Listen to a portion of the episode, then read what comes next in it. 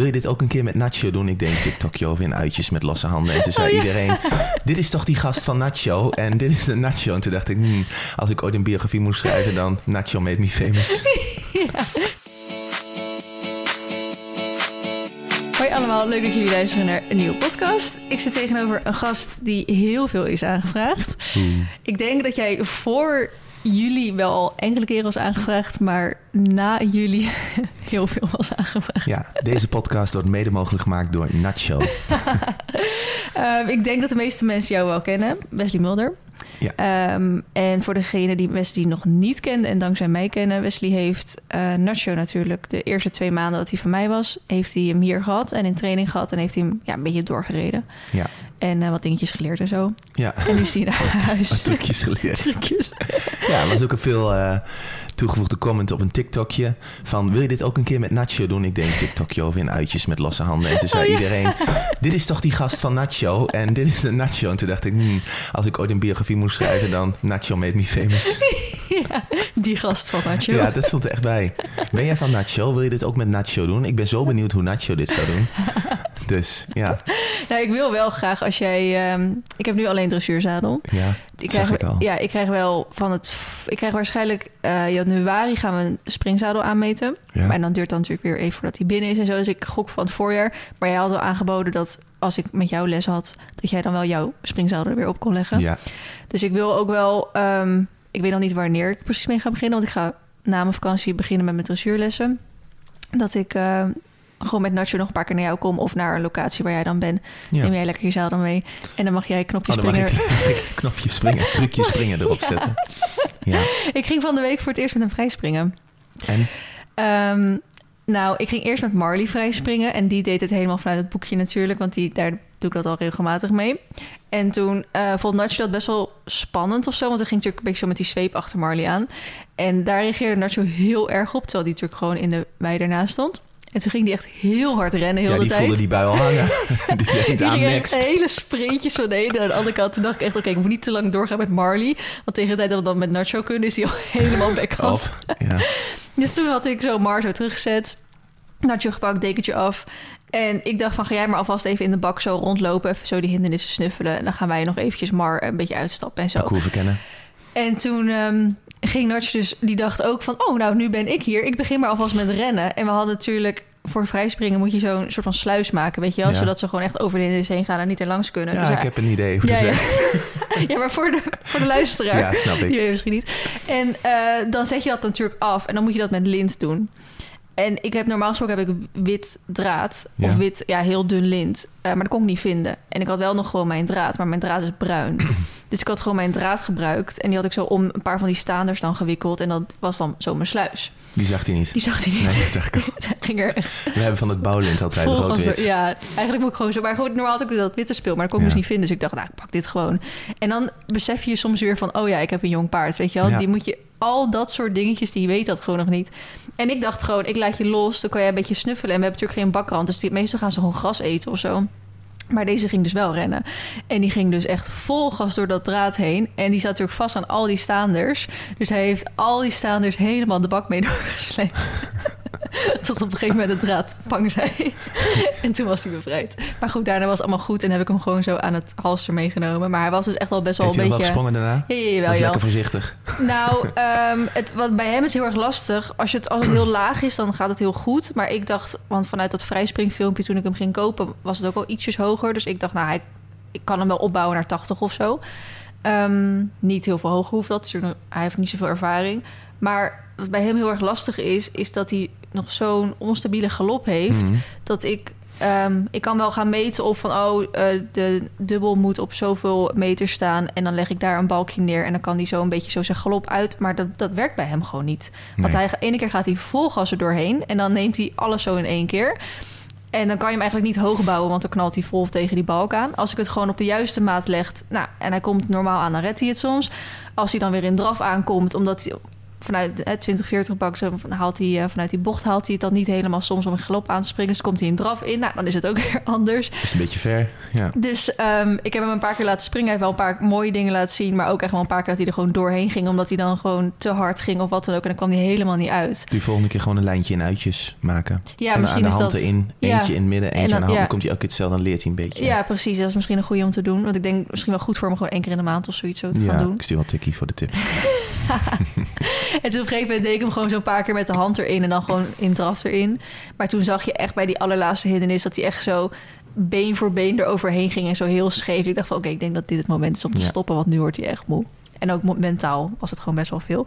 Maar goed, ehm, dat verhaal over Nacho van de week. Ehm, we gaan even deze podcast natuurlijk doen met een gast, zoals jullie het gewend zijn, dat we even gewoon over jou gaan praten. Ja. Over hoe jij in de paarden terecht bent gekomen, wat je allemaal doet en wat je doet, niet alleen maar in de paarden zitten. Nee. En hoe je er ook in terecht bent gekomen. En eh, je wedstrijden en eh, favoriete paarden, weet ik het wat. Mhm. Eh, en ik heb natuurlijk vragensticker geplaatst op Instagram.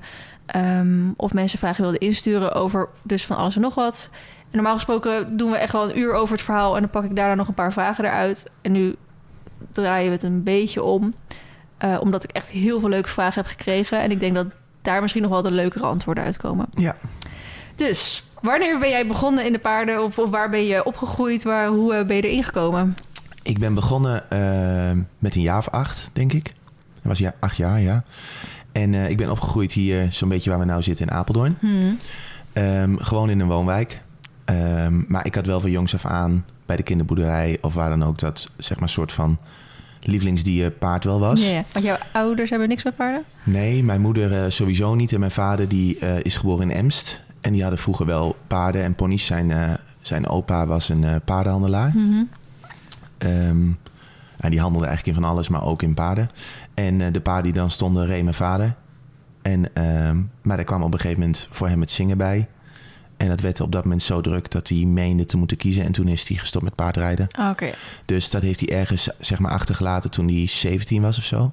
Oh, is, is de havenzangers... Ja. Maar heet het toen al zo? Eh, ja. Is het al zo oud dat hij... eh, ja, mijn vader is begonnen toen hij 15 was Mhm. erbij. In zijn eentje dan? Of? Nee, Oh. eh, de havenzangers bestond al. En toen was hij op een bruiloft. En de toetsenist of accordeonist, dat weet ik niet precies. Maar in ieder geval één iemand uit de band wa- kwam niet opdagen, was ziek. Hmm. En mijn vader was op dat feestje met zijn ouders.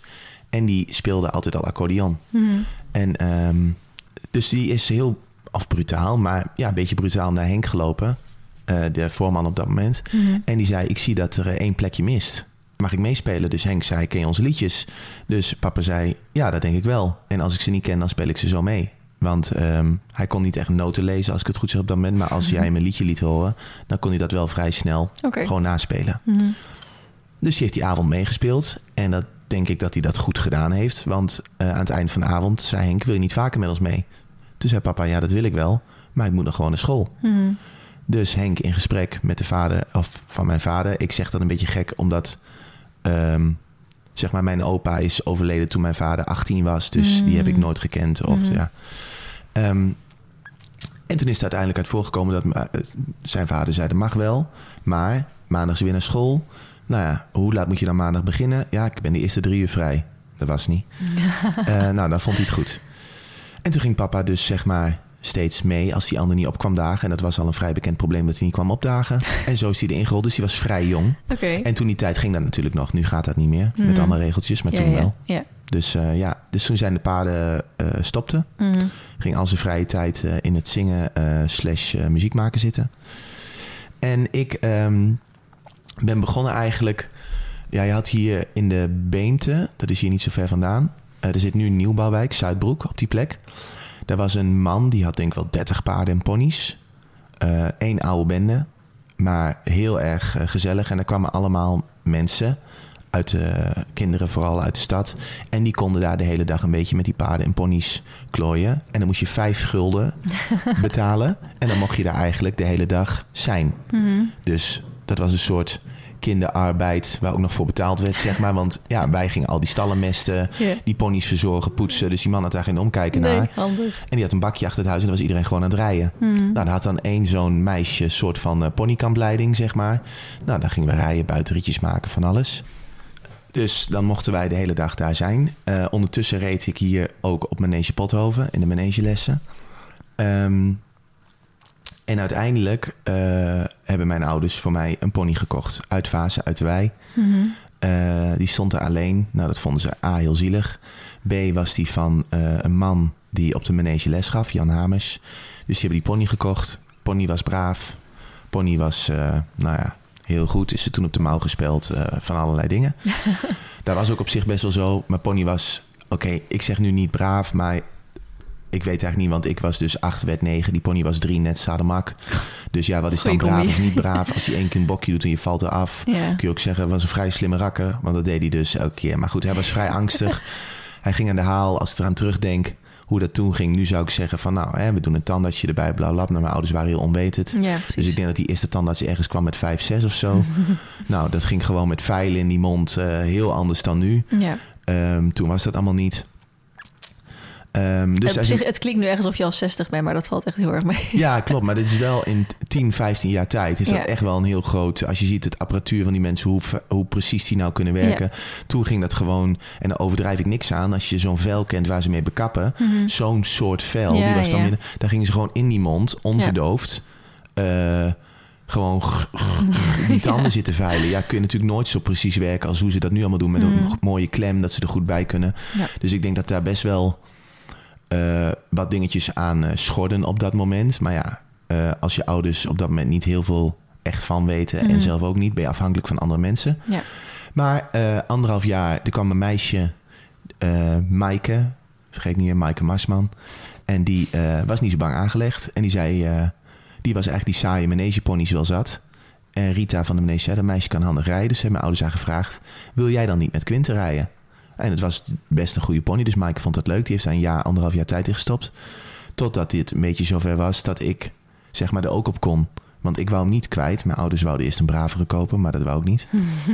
Ehm, maar ik kon er ook niet op blijven zitten, want die ging zo hard. Hmm. Echt zo hard. Ehm, dus wel dat hele verhaal doorgezet. Uiteindelijk heel veel leuke successen behaald met Quinter. Eh, hij is eh, afgelopen januari eh, op 30-jarige leeftijd overleden. Ehm, ja, wel blij dat we hem altijd gehouden hebben. Want eh, het was best wel een beetje een Ja. eigenzinnig karakter. En je denkt dan altijd, ja, we hebben dat wiel nu helemaal uitgevonden hoe die is. Hij ging bijvoorbeeld alleen onze trailer in. Een andere trailer is hij echt nooit ingewandeld. Grappig. ja, eh, later het tweepas autootje met mij ging wel. Mhm. Maar als een andere hem wou inladen, ging die altijd staan. Mhm. Eh, allemaal van dat soort dingetjes. Wel leuk dat je die echt tot zijn oude dag nee, Ja. mag houden. hebt. Bizar. En, Zo lang? eh, dus echt een hele lange tijd. En ehm, nou, vanuit daar, vanuit de pony, ehm, beetje doorgaan. Mijn vader had ondertussen wel weer een paard gekocht. Want die vond het zelf leuk, ook, ook leuk om toch weer te rijden. Dus hij toch op de manege zat te wachten in de kantine. Dacht hij, ga ik ook rijden. Nou, die had een paard gekocht. Vroeger had je nog eh, van die paardenbladen. Ook waar wij de wedstrijden uithaalden. Moest je vroeger gewoon uit de paard en sport. was een voorloop, ik weet niet meer hoe het heet. Maar dan moest je gewoon kijken. En dan stond er Brummen, 6 november. Ik noem wat, stond een telefoonnummer bij. Mhm. Nou, dan moest je bellen naar een huistelefoon. Op, moest je startcoupons opsturen. Was een heel, was een Mm. vierweeks plannen voordat je kon. maar toen stonden ook nog heel veel advertenties in. Toen had je geen sporthorses. Mhm. Want internet was er toen. Niet. Dus had je advertenties gewoon in paardenbladen. Stond erin, mooie zesjarige Merrie te koop. Pretendent, blab. Vader op gereageerd, stond dichtbij. Eh Merrie bekeken, niet eens zeg maar een proefrit gemaakt. en die Merrie gekocht. Ja. Nou, het was een drama, want die Merrie was heel lastig. Mhm. Zeker, misschien nu, als ik er nu mee om moest gaan, is hij niet lastig. Maar voor toen, als je dus weer opstartend rijden bent, Ja. was het best lastig. Van pony naar baard. Ja, dus eh, mijn vader is die poosje gereden, maar dat was ook moeilijk. Die Merrie helemaal opgelapt, want die had allerlei problemen. Ehm, en uiteindelijk werd het rijden voor mijn vader weer minder. Eh, en ik was de pony ontgroeid, dus ik kreeg dat paard. Mhm. Was niet echt geschikt voor de sport, was veel te heet en deed me ook geen plezier mee. Dus ehm, daar stond het een beetje stil. En toen ben ik uiteindelijk, wou ik toch verder, maar had ik niet echt materiaal zeg maar, om dan verder te gaan. En toen ben ik gaan werken. Bij, ehm, Bij een stal. Oké. bij een stal, ja, in Twente. En eh, ik wou toen graag springen. En eh, Ja, want ik zag van de week in jouw story dat jij, of je TikTok, ik weet niet meer waar, dat je zei dat je bent begonnen als dressuurruiter. ja, En toen ben gaan springen en nu Ja. heb je er weer een dressuurpaard bij. bij, ja. Ja. Nou, ik was dus al wel altijd, hebben ze tegen mij gezegd... dat ik zeg maar dus handig was in het dressuurrijden. Mhm. Dus ehm, in het begin toen ik begon met springen... toen zei iedereen, oh, die dressuurruiter op een springpaard. Nou, dat was dan niet wat. Nu zegt iedereen die springruiter op een dressuurpaard. Ehm, alleen, ehm, het duurde eventjes voor mij voordat ik de, zeg maar accepteerde als dat het van mij iets goeds was.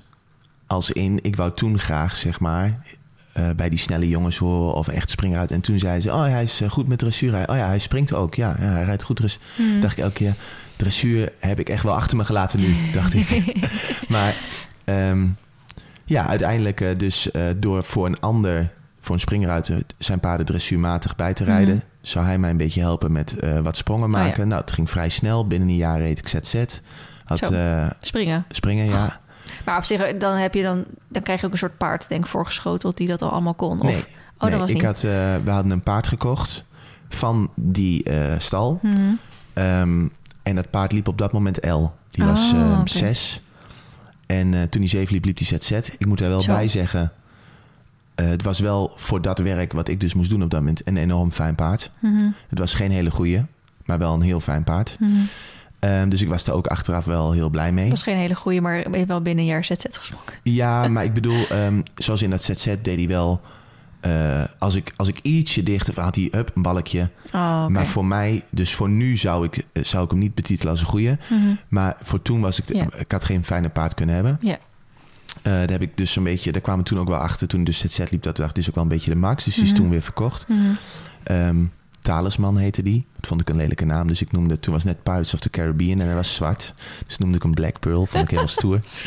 En ehm, eh, daar kwam achteraan eh, een, ehm, eh, heeft mijn oom mij geholpen. Dat hij zei van, nou ja, als je dan verder moet een paard opzoeken. Toen hebben we dan een tussen haakjes eh, betere gekocht. Mhm. Bij Nijhoff, een vierjarige. En daar kon ik dan weer mee beginnen. Waren de prijzen toen ook al eh, helemaal gek? Of kon je dan als, als amateurruiter nog steeds wel gewoon een goed paard kopen? Nou, ik denk dat wij daar voor dat paard iets te veel betaald hebben toen we kochten. Eh, voor wat hij achteraf kon. Ehm, nou, is niet zo gaaf. Wij kochten hem destijds van Nijhoff, de hengstehouder. Mhm. Want via via die zei, ik heb hier een mooi paard staan voor jou. Mhm. Nou, ik heb dus... Als ik hem nu terugzie, zou ik hem nooit meer kopen. Mhm. Maar ik heb het er wel heel goed mee gehad. Ja. Eh, en ik heb dus na die, was ik zo gek mee... dat ik zijn halfzusje heb gekocht uit dezelfde moeder. En dat is nu nog steeds mijn Fokmerrie. Daar komt Royal Dutch uit, Air Force... Oké. Treasure. eh, dus ja, da- de- uit, achteraf is het wel goed geweest dat ik hem gekocht heb. Maar hij sprong helemaal over het voorbeen heen. Dus zeg maar de voorbenen vouwden die eerder naar zijn buik toe... dan dat hij de Oh. knie omhoog deed. Ja, ja, ja. En op dat moment voelde ik dat niet, want ik had die ervaring niet. Nee. Dus ehm, we betaalden toen niet ziek veel geld, maar hij kostte 17.500 euro. Was vier jaar oud. Was wel, moet ik bijzeggen, het allermooiste paard wat ik in mijn leven heb gezien. Mhm. Ehm, hij, was, hij had een heel klein koppie, een hele dikke nek. eh feldonkere koffievos met vier precies gelijke witte Oh, kootjes tot aan de kogel. Was prachtig. Daar Mhm. heb ik hem uiteindelijk ook, want hij kon niet hoger springen dan eh set, set, set. Dat was een beetje de max. Mhm. Eh, hij kon het wel, maar dan werd hij gauw bang. Dus hij had niet het laatste hart. Ja. Ehm, uiteindelijk hebben we hem ook op zijn mooiigheid. En hij was abnormaal fijn te rijden. Kon je wel drie Ja. uur op zitten. Oh, maar dat is toch een fantastische leermeester. Precies, Zo, dus dat was achteraf eh, geweldig. Mhm. Ehm, en daar hebben we dus een hele poos mee rondgereden. En daar heb ik dus eh, ja, hele leuke dingen mee gedaan. En eh, best wel leuk, veel, ook best wel veel gewonnen. Ehm, alleen, ja, ik was toen ondertussen met dat paard... was ik bij Gertjan Bruggeke aangekomen... om even, zeg maar, een time Mhm. lapje te maken. Ehm, dus dan was dat nog mijn eigen paard. En reed ik andere paarden voor Gertjan. Nou, en toen kwam er wel vrij snel uit... hoe gek ik was met hem... dat die paarden die ik bij Gertjan tot mijn beschikking had... van een iets andere kwaliteit waren dan hij. Ja. Nou, en dat krijg je ook wel een beetje misschien... als jij straks, zeg maar, ik noem wat met springen... Marley en Nacho zou blijven rijden.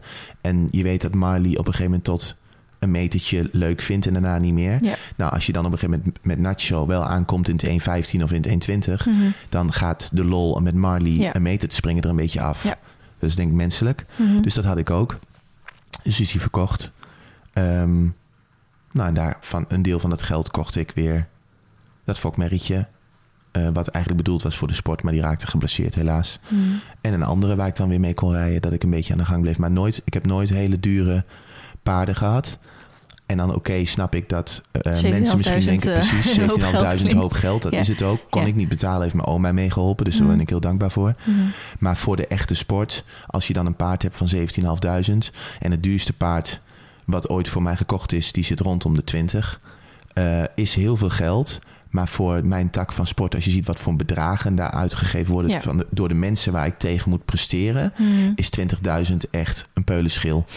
Eh, die, dan rij je zeg maar tegen paarden die hebben 100, 200, 300.000 euro gekost. Ja, Dus dat is wel echt ja. dat- ja, dat een verschil. ja, valt Dat- een beetje dat, de Ja, dat betekent zeg maar als je een mooie Volkswagen Tiguan hebt, wat een super bovengemiddelde auto is, dat je moet strijden tegen een Porsche Cayenne. Ja, Eh, ja, dan Ja. ben je wel erop aan. Dan hoop je dat hij onderweg een lekker band krijgt, zodat jij zeg maar eerder bij de anders ga je nooit redden.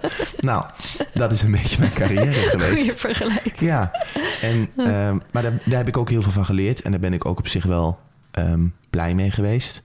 En soms denk ik wel eens van... ik wil ook wel eens een keertje eentje hebben... die dus dat hele circus vanzelf doet. Dus Ja. toen heb ik gedacht... na een hele lange periode te rijden voor anderen... ik ga zelf een beetje fokken... in de hoop dat daar eentje tussen zit waarvan ik zeg... dit is die Cayenne. En daar kan Mhm. ik dan mee verder omdat ik soms wel eens een beetje gefrustreerd was als ik een hele goede proef reed. Of ik zeg altijd proef, maar een parcours. Ja, ja. En ik kwam één keer heel ietsje dicht. Dan plop, viel net dat balkje. Ja. En dan een ander kwam vier keer zo, maar die had alle kwaliteit van de wereld. En dan dacht dat paard van, nou jij geeft mij vanavond weer een kilo brok. Dus hup, daar ben ik, ik help jou. Ja, maar als je daar heel hard voor traint, ja. dan word je op een gegeven moment een beetje gefrustreerd. En toen was ik ook wel een beetje sportmoe. ja, dat snap ik. Eh, echt wel twee jaar dat ik dacht, nou, ik kan ook doen wat ik wil, maar eh, winnen lukt toch niet. Terwijl ik het volgens mij beter voor elkaar heb dan eh, degene die wel vooraan staat. Ja. En toen ben ik gewoon weer lekker begonnen met jonge paarden. En daar heb ik op dit moment ook ontzettend veel plezier van. Als je bijvoorbeeld ziet als voorbeeld eh, hoe Nacho binnenkomt. En als je dan twee maanden daarmee werkt, hoe die dan eh, weliswaar voor elk jong paard met een beetje ups en downs maar vooruit gaat Mhm. is dat veel leuker werken dan op een 14-jarige zitten. Waarvan je naar binnen rijdt en eigenlijk denkt, ja, het midden van de driesprong krijg ik er toch eigenlijk wel af. Eh, dat is op een gegeven moment niet leuk nee, meer. Nee. Dus toen dacht ik, ik wil het of goed met een goede dat ik denk, nou ja, als ik goed rijd gaat hij nul. Ja. Of ik doe gewoon lekker jonge paarden. Want een jong paard, of die nou veel kwaliteit heeft of weinig, gaat altijd vooruit. Want die Ja. willen, Ja. die zijn leergierig, die willen opnemen. Dus als je een jong paard hebt die niet zoveel kwaliteit heeft, maar heel scheef is, gaat hij wel vooruit als je hem na een maand recht Mhm. hebt. Nou, en elk paard die gezond is Ja. en geen bemerkingen ergens iets heeft, Mhm. kan leren rechtuit lopen. Dus dan ga je toch vooruit. Dus dan hou je Ja. er plezier in. Ja, vind ik dat, ja, snap ik wel inderdaad. Ik moet ook zeggen dat ik ehm, nu het weer, denk ik, want ik ben nog niet ver, leuker vind om met Mar, of met Mar, met Nurture straks in de B te starten.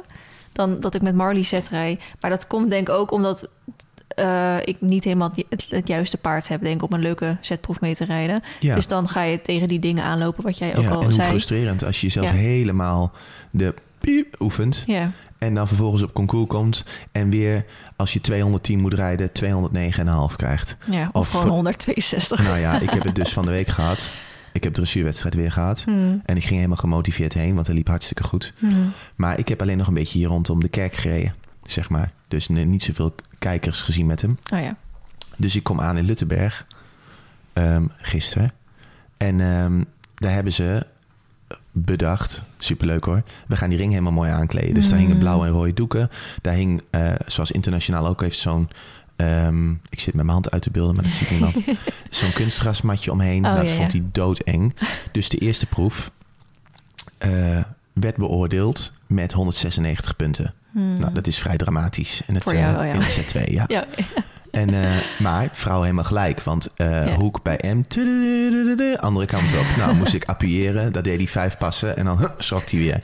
Moest ik een changement doen. Sprong die vier meter naar links. En toen zei de jury later tegen mij... Oh, ik vond het zo erg. Want ik kon zien dat het zeg maar in de basis er wel in zit. Ze zegt, en dan wou je een changement doen. En hup, sprong. Ja, ik kan ook niet anders dan een één daarvoor geven, Nee, zegt ze. Ik zeg, nee, dat klopt. en maar wat ik dus heel leuk vond van haar... Ik ben dus de eerste proef laatste. Nou, daar had ze ook gelijk in, want het was gewoon super slecht. Ja. Ehm, maar toen ging ik op het voortrein nog even rijden. En toen dacht ik, nou, moet nou toch iets meer orde op zaken stellen. Dus ik heb hem er iets meer tussen gezet. Mhm. Daarmee bedoel ik eh, even een paar keer eh, ietsjes naar voren, weer terug. Dat hij gewoon iets oplettender... Ik had hem eigenlijk ook een beetje te simpel losgereden. Mhm. Omdat hij altijd normaal gewoon zo Ja. loopt. Ja. Dus ik had even iets meer aandacht gevraagd. En ik ging de baan in. Ik dacht, nou ja, het kan toch al niet meer stuk, dacht ik. Want het was al slechter, wordt het niet. en eh, toen liep hij best een goede proef. Nog niet zo goed als dat ik normaal zou kunnen. Maar wel een hele verbetering. En toen eh, kreeg hij 235. Zo. Ehm, ja, en toen zei die vrouw na die tijd, zegt ze, nou, dit is echt in mijn leven de enige combinatie die ik gezien heb... waar zo'n beetje tussen de 30 en de 40 punten verschil zit Ja. tussen beide proeven. Ja, ja. Eh, en ik vond het dus heel knap, of knap niet, maar heel goed van die vrouw... Mhm. dat hij de ene proef 196 durft te geven, want het was ook slecht. Ja. Maar als het wel goed is, daar ook goede punten voor durft te geven. En heel vaak zie je dan juryleden die, nog- hangen die dan zeggen... Bijvoorbeeld bij jou, oh ja, dat is die weer met het halve fjotje. Nee, nou, dat kan nu, die heb ik al gezien vorige keer, dat is niet wat. Ja, of, ja. oh, dat paard van West, die springt alle kanten op. Ja, Ja. nou, dat zal wel weer niet wat worden. Ja, ja. Dat is ook menselijk. ja, Maar die heeft dus helemaal alles eh geërrord in haar hoofd en weer opnieuw gekeken. dat is fijn, ja. Vond ik super fijn. Dus Ja. die tweede proef won ik. Dus ik was eerste en laatste.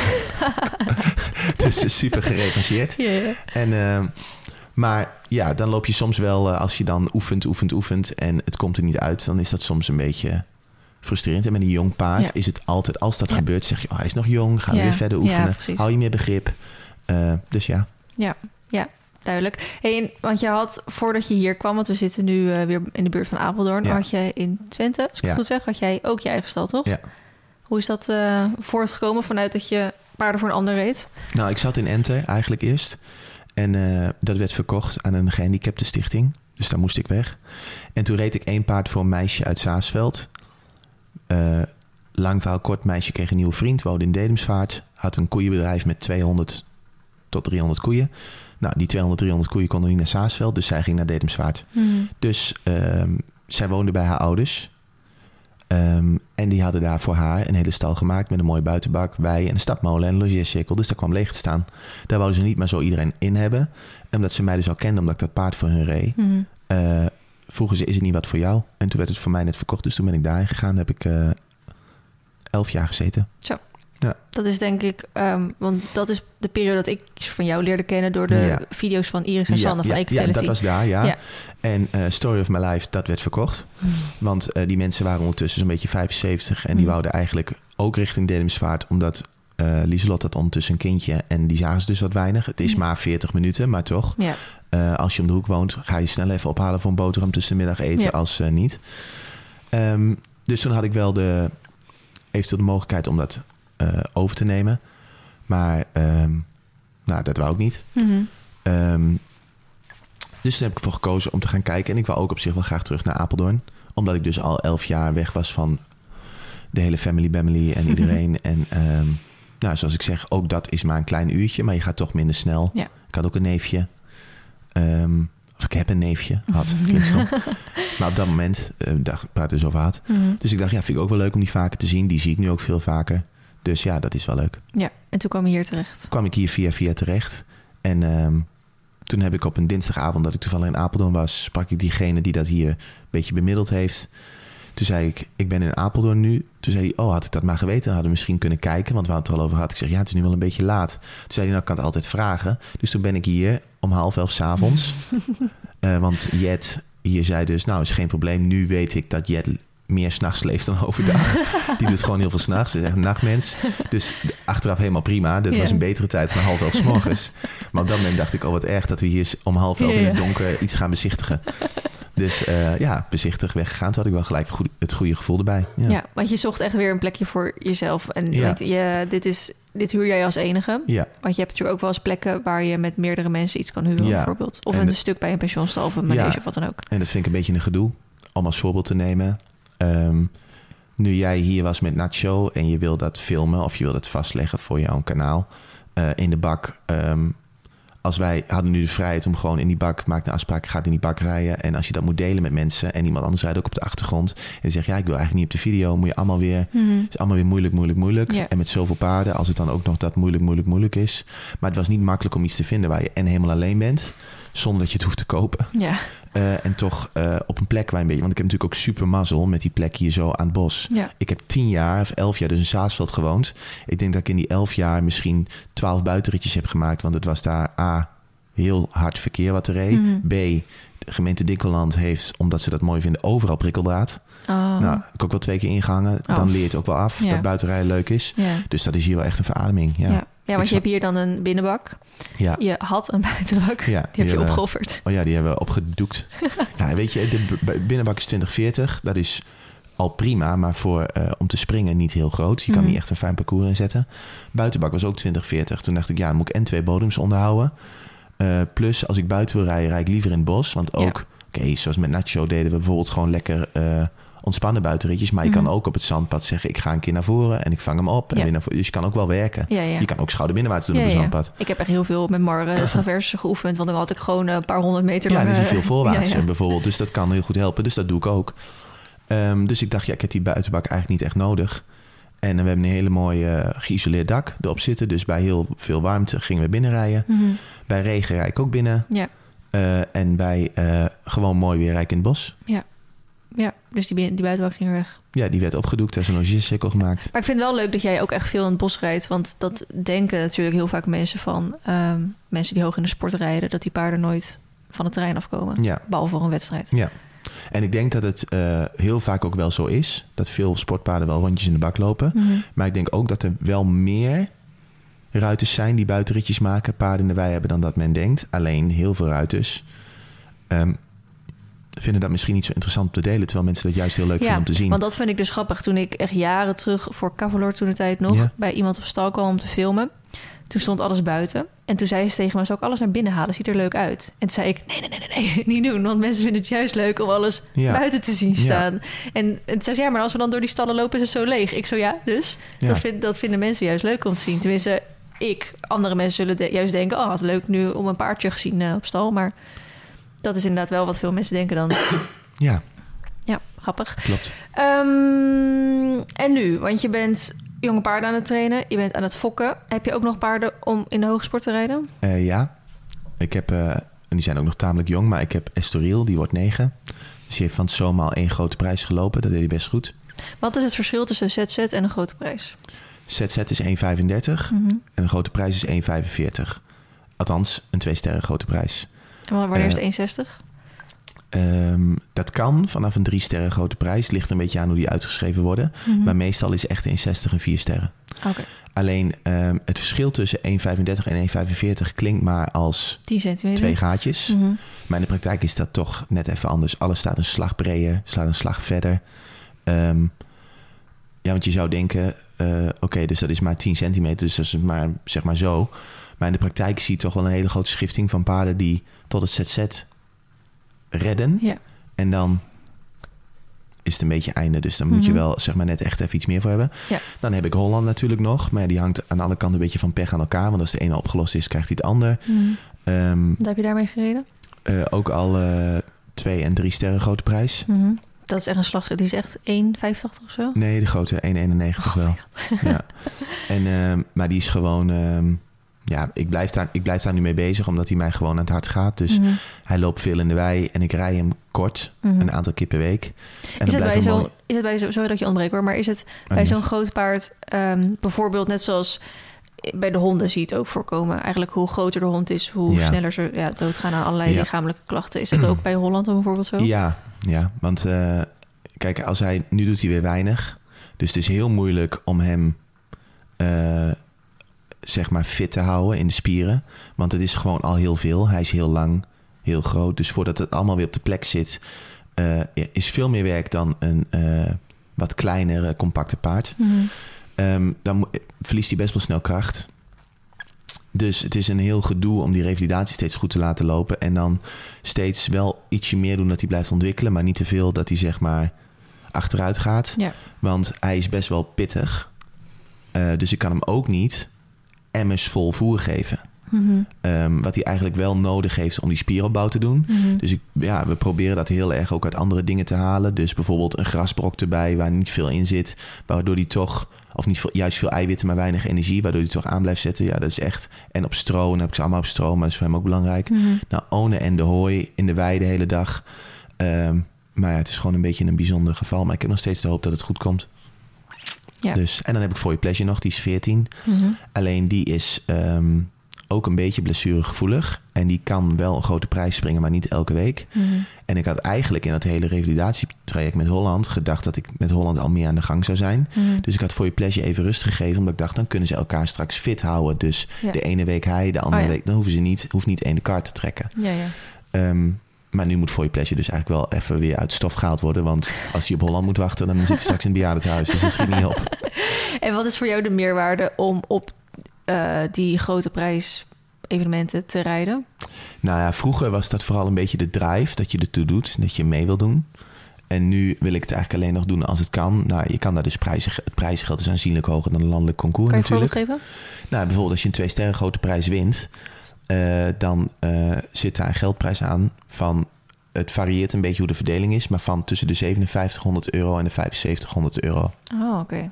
Zo, dat gaat gewoon echt om een paar duizend euro dus. Ja, en dan is dat zeg maar wel van de dikkere proeven het laagste waar je dan over praat. Dus als Ah, jij een vier sterren grote prijs wint, dan eh, zijn er meer grote prijzen waar je 40, 50.000 euro wint Zo. dan, ehm, dan minder. Dus dat is wel aanzienlijk. Ja. Eh, dat is ook waar natuurlijk een heel groot deel van de sport om draait. En het kost, het kost daarbij ook heel veel geld. Dus één paard internationaal kost al gauw 700 euro alles bij elkaar voor drie proefjes. Oh, oké, ja. Dus als je dan vier, vijf paarden meeneemt, dan moet er nog wel aardig wat gebeuren. Dan moet er gewoon even eentje winnen, zodat de kosten gedekt nou worden. ja, dat is normaal het juiste systeem. Dus Mhm. je neemt één paard of twee paarden mee die het geld eruit lopen. Mhm. Twee, drie jonge paarden mee om op te leiden, die kosten geld. Mhm. Maar dat verdien je terug met die twee ouderen. Ja. Dus als jij vijf paarden meeneemt, reken je vijf keer 700 af. Ja, Dus als je dan 5700 euro gewonnen hebt, heb je niet eens zo gek veel verdiend. nee, precies. Precies. Hey, en nu we het even over geld hebben, ehm, gaat natuurlijk af. Want jij spreekt je ook wel eens uit over eh, dingen die eh, nou, een soort van trending zijn eh, om Ja. over te praten in de sport. Er gaat nu bijvoorbeeld de laatste tijd best wel weer rond over dat. ehm, nou ja, ze vinden dat die topsport afgeschaft moet worden, omdat het alleen maar over geld gaat. Al- om- En dan het paardenwelzijn gaat daaraan tekort. En dat het alleen maar gaat over, nou, hè, dat- dat je inderdaad zo'n grote prijs kan rijden of wat dan ook. Hoe kijk jij daar dan naar? Als je er ook zelf zo over praat. Ehm, ik ben het gedeeltelijk eens. Eh, maar als je dat helemaal eh rechtdoor gaat trekken en alles gaat bekijken, dan zie ik dat op allerlei vlakken. Dus ik zie in de L paarden verschijnen. Nou heb jij nog een beetje verstand dat je denkt, nou moet ik gewoon niet gaan doen met Marley, want dat Mhm. doet hij niet. Maar ik zie wel mensen die dus een Marley hebben en niets anders dan een Marley hebben. Nog geen zelfbewustzijn hebben, of hoe je dat moet zeggen, maar in ieder geval weten dat Marley aan zijn tak zit. En Marley stopt in een dubbeltje, omdat Marley het gewoon niet haalt. Ehm, dan krijgt Marley drie klappen met een zweep. En dan moet Marley er weer in. Want hij mag niet stoppen. Ja. Dan vervolgens, als hij een beetje pech hebt, komt hij op dinsdag thuis. Dan gaan ze met eh, papa of mama heel fanatiek die dubbeltjes oefenen. Want anders komen we er niet door op Mhm. concours. Ehm, en dat zie ik in de sport ook. Dus ik zie ook ruiters die dingen doen eh, op het voorterrein waarvan ik denk, is dit nou nodig? En die staan daarna met een lintje aan de kop. En dan, eh van de kop, lekker plat. Nee, maar die staan daarna met een lintje in de prijsuitreiking. En dan staat de tri- tribune voor te klappen. Dat ik denk, nou, als jullie even gekeken hadden, had je hier niet voor geklapt. Hmm. Beide vind ik uitzonderingen. Ah, Dus als ik het zie op de internationale concoursen en ik kijk daarnaar, dan zijn de uitzonderingen ehm, in de minderheid. Daarin, ja, dat is vrij logisch, maar ik bedoel, dan zijn er minder mensen die op een negatieve manier met hun paard omgaan. Mhm. En dan heb ik het over op het concours, wat mensen thuis doen. Dat weet je niet. Dat weet ik niet. Maar wij kunnen als ruiters zijnde wel met elkaar de neus aanwijzen wie dat zijn. Mhm. En ik vind bepaalde regels heel goed. Bijvoorbeeld dat ze nu mee gaan beginnen. Ondanks dat ik dan 20 strafpunten veel te hoog vind. Om ze er pas uit te sturen. Want dan denk ik, ja, wat heb je er nog te zoeken met 14? Je komt toch niet meer toe- gewoon eruit. Ja, ja. Ehm, eh, vind ik het wel goed, zoals bijvoorbeeld als voorbeeld Olympische Spelen. Heb ik op dat moment zat ik te kijken. Toen zei ik, waarom rijdt die man door met die schimmel, het bekende filmpje? Waarom rijdt hij door? Nou, toen zei een gerenommeerde ruiter, zei, ja, maar Wesley, als je op de Olympische Spelen rijdt voor je land, stop je niet snel. Oké, kan ik begrijpen, maar de teller stond al op 18. Dus Mhm. hij is al wegstreefresultaat. Ja, Hij telt al niet meer mee. Dus Ja. waarom stopt hij niet? ja. Je hebt niks meer te zoeken. Nee. Dat paard bleef steeds hoger springen. Elke leek, elke topsporter, iedereen kon zien dat als hij dit safe aan de finish ging halen, nou, dat zou een wereldwonder zijn. Mhm. En dan denk ik dan, ik kan het enigszins begrijpen, omdat ik zelf ook wel eens toen met die druk en die drive eh, een beetje, ik denk als je hem er nu terug laat kijken, dat hij zegt, ja, wat ben ik aan het doen? Ja. Ehm, het nadeel daarvan vind ik dat heel de wereld daar dan op Facebook Ja. overheen gaat vallen en die man doodsbedreigingen gaat sturen. Ja. Ik vind dat die man daar aangesproken moet worden. Dus ik vind dat de FI mag zeggen: Dit is een hele onverstandige keuze. Hier ga je drie maanden over nadenken. Mhm. Ehm, en ik vind eh, bijvoorbeeld, er is één man is ook een filmpje geweest van een vos in eh, Oostenrijk. Die schopt, eh, denk ik, iets van zes, zeven balken eraf. Die man rijdt maar door, rijdt maar door, misafstand. Nou, achteraf schijnt het een heel erg lastig en moeilijk paard te zijn geweest. Dan kun je zelf zeggen van, ja, waarom ga je er dan mee de baan in? Gewoon in de Mhm. wei. Ja. Werkt niet voor iedereen, maar die man heeft zelfmoord gepleegd. Oh, door die bedreigingen. door alle- Oh, oké.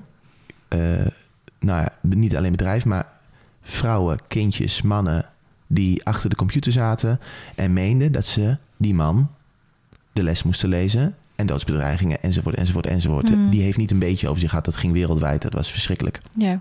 Maar dan zouden eigenlijk ook de platformen die die filmpjes vers- verspreiden ook dat toch gewoon niet moeten doen, denk Ja. ik. Of, Eens, ik Ja. vind, eh, ehm, en hun vinden van niet, maar bijvoorbeeld een fenomeen als Horses eh, leeft daarvan. Kijk, het, uiteindelijk wordt Horses bijna gewoon eh Yvonne Kolderweijer soms. ja, is wel zo. En je weet nu al, en ik denk dat ze het soms een beetje extra doen, dan zie je een foto over. Bijvoorbeeld, een, een voorbeeld was Isabel Wert. Nou, kunnen we, je kan de mooi vinden rijden, niet mooi vinden rijden, maar die vrouw heeft een ontzettende staat van dienst. Mhm. Dus die heeft met heel veel verschillende paarden heel veel bereikt. Nou, dan denk ik dat je eh, niet van gisteren bent en Ja. dingen goed doet. Ja. Ik denk als zij naar zichzelf terugkijkt, net als ik, dat je als je tien jaar teruggaat, dat je denkt, hmm, dat had ik liever anders gedaan. Mhm. Dat zal. Maar die dat vrouw heeft al heel van veel dingen dingen. die ik vorige week Ja. heb gedaan. Ik ook. Ehm, en dan wordt er een foto bij geplaatst wanneer dus, als ik het goed zeg, Weijegold, Weije, ja, Weijegold, afscheid neemt van de sport. Staat er een foto bij van Isabel Wert.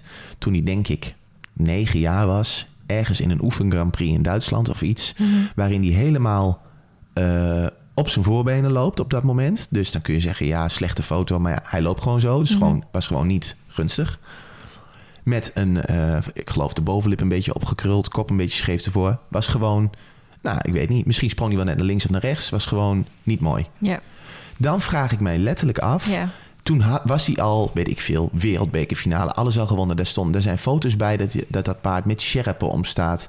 Waarom plaats je die foto daar Ja. dan bij? ja, maar daar heb ik het met Esmee ook wel eens vaak in de Ja, podcast over de- gehad. Ik heb het idee dat zij dat expres doen om reacties uit te lokken. zie je? Als ik, toen ik de foto zag, hoef ik niet eens verder te scrollen. Dan denk ik, nou, 333 reacties. Ja, klikken, klikken, klikken, Ja, klikken. ja. Nou, dan gaat iedereen beginnen over die foto. Totaal jammer. Want eigenlijk zouden de comments moeten zijn... wat heeft dit paard een ontzettende staat van dienst? Ja, En wat eh, is dit knap wat hij bereikt heeft? En dat vind ik dan heel jammer. En ik snap dat ze daarvan leven. Maar dat vind ik jammer. En Ja. ik denk ook... Nu doen ze ook wel eens soms wat posten over de sport. En over dan... eh, ook over recreatie. Maar dan gaan ze ergens een trigger in maken. Bijvoorbeeld, wij hebben ook wel eens met het zingen... dat we in een roddelblaadje staan. Zoals nu bijvoorbeeld met eh, de Alleskunner. Eh, staan, we, staan we er dan in. En ik heb gezegd over een bepaalde aflevering... waar ik in sta te huilen. eh, van, nou ja, als ik huil, dan... eh, huil ik ook wel aardig goed, zeg maar. nou, ik heb een interview met die man gehad van eh, drie kwartier. Mhm. En de trigger die erboven staat, als ik huil, huil ik goed. Dus iedereen kijkt dan, huilen, huilen, wat is aan? En dan gaan ze dat stukje lezen. Nou, dat gebeurt hier ook. Ja. Alleen paardenmensen zijn gewoon ontzettend onaardig naar elkaar. En niet een beetje. Maar ik denk dat straks één groep is die de hele paarden sport. En daarmee noem ik dus ook een bosritje. Want uiteindelijk vind ik het vallen onder een sport. Mhm. Of het nou recreatiesport is of tijdverdrijf. Eh, die, maken, eh, die maakt het hele spul kapot. En dat is eh, iedereen die tegen elkaar ehm, die hetsen opzet. Mhm. En iedereen die zegt... een nekroop is goed, een bit is slecht. Of een bit is goed en een nekroop is dom. Ja. Ik denk dat je iedereen gewoon in zijn waarde moet laten. Iedereen zijn ding moet laten doen waarvan hij of zij denkt dat het goed is. Elkaar moet aanspreken op een normale manier. Want dat gebeurt dus niet. nee. Dus als, als ik iemand zie die eh, een situatie van, eh, weet ik veel, dus iets een half jaar geleden was een amateurmeisje. En dan bedoel ik een amateurmeisje, het, het kun je negatief opvatten, maar gewoon iemand die één paard heeft voor de hobby rijdt. Mhm. Die tegen Net als een, ik eigenlijk gewoon. ja, bijvoorbeeld Ja. dat, ja.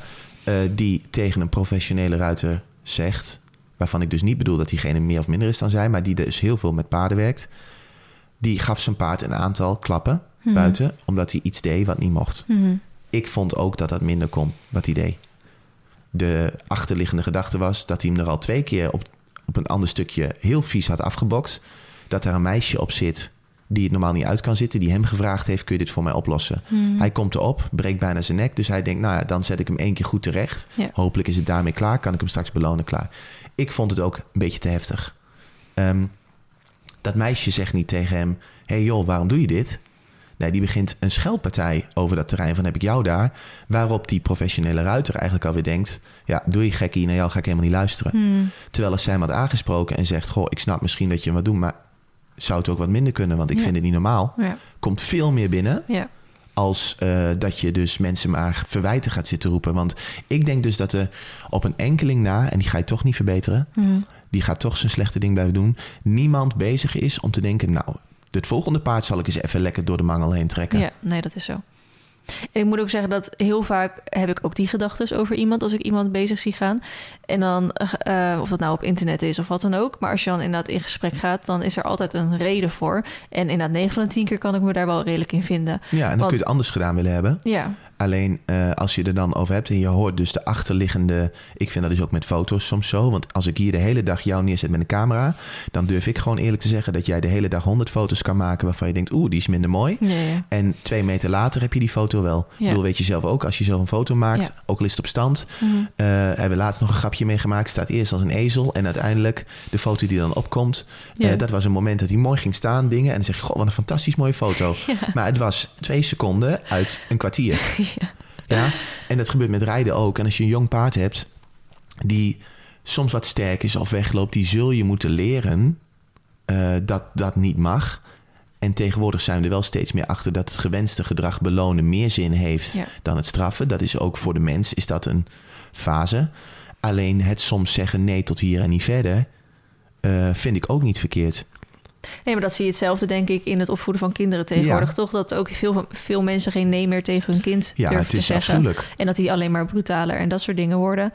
Die, die, die, ik, ik heb ouders bij. Vroeger zei mijn vader gewoon tegen mij. Mijn moeder was iets zachter. Dus daar kon ik iets meer eh, mee ahoeren dan eh, mijn vader. Maar mijn vader zei gewoon heel simpel soms. Een beetje disciplinair. al heb ik geen gelijk, heb ik nog gelijk. In die zin bedoelde die van... soms moet je gewoon voor bepaalde mensen je mond houden... en is het Ja. gewoon klaar. Als ik nu kinderen zie... als je zegt, en ik had het bij mijn moeder bijvoorbeeld ook handje van... Feline, nou ben je stil? Ja. Feline, ja, het is al goed. Die willen het laatste en die gaan Ja. oneindig door. Ja, En dat zie je ook in de hele maatschappij. Respect en dingen voor elkaar is echt heel erg vet te zoeken. ja, ja. En om het dan weer even bij de paarden te houden. ehm, soms is het gewoon beter om één of twee keer streng te zijn... Vind ik, ja. dan daarna dertig keer eh, door te vragen. En dat voorbeeld is bijvoorbeeld toen jij een van de eerste keer op Nacho zat... Ja, met die deur. met die deur, maar Ja. ook dat hij niet voor je been was. Ja, Dan geef jij liever even één of twee keer wat harder been... ja, En dan hoef je niet daarna, zoals ik, heel het rondje bij elke pas zeg maar been te geven Ja. en te klikken en te doen en zo. ja. En dan hebben ze dat veel sneller door. Of inderdaad met een deur dat hij dat in één keer spannend voor. Ja. Ja. doe je hem even één keer streng er langs van hallo, er is niks engs aan die deur. En dan is het daarna ook klaar. In plaats van dat je elk rondje daarna met die deur bezig bent. Ja, en wat ontzettend lastig is en wat heel veel mensen willen... iedereen wil vriendjes met zijn dier zijn. Ja. En dat wil ik ook. Maar bijvoorbeeld ook als je goed kijkt naar hoe een dier met elkaar werkt... dieren zijn nooit echt, zeg maar... Als ik het omdraai, als ik morgen hier Nacho zeg maar, op stal krijg... en dat komt in mijn eh, territorium, ik noem maar wat... Mhm. Als ik dan dier ben, noem het Marley... Ja. dan sla ik hem dus eerst helemaal de hoek in. Dat hij weet dat hij bij mij uit de buurt moet blijven. ja, precies. Ik ben hier de baas. Ja. Als je dat als mens doet, slaat ook nergens op hoor, wat Nee. ik nu zeg. Maar dat doe je dus niet. Je gaat eerst zeggen, oh ik moet zijn vertrouwen winnen. Dus ik ga hem een snoepje geven en ik ga lief met hem doen. Is niet diers. Nee. Ehm, dus wij willen heel graag, ook met honden bijvoorbeeld... dat onze hond onze beste vriend is. Maar dat wil ik ook. En ik, eh, ik zeg nu iets heel wijs, vind ik zelf. Maar ik faal zelf daar ook in hoor. Want ik eh, trek mijn hond ook op de bank... omdat ik dat zo leuk vind dat hij bij me ligt. Alleen, dieren hebben ook gewoon heel erg behoefte aan duidelijkheid. Dus een paard... Heel veel mensen zeggen ook... ja, nee, mijn heeft een heel sterk karakter. Oké, dat zou dus betekenen dat hij de leider zou zijn van de kudde. Mhm. Als hij in een wei gooit, heeft hij in één keer niet meer zo'n sterk karakter... want dan staat hij ergens in de middenmoot. Ja. Hij weet gewoon hoe hij jou zeg maar, kan bespelen... of hoe jullie met elkaar niet de juiste communicatie hebben. Daarmee zeg ik dus niet dat je je paard niet mag verwennen. Alleen, ik zie de meest gemaakte fout bij mensen... dat mensen inconsequent zijn.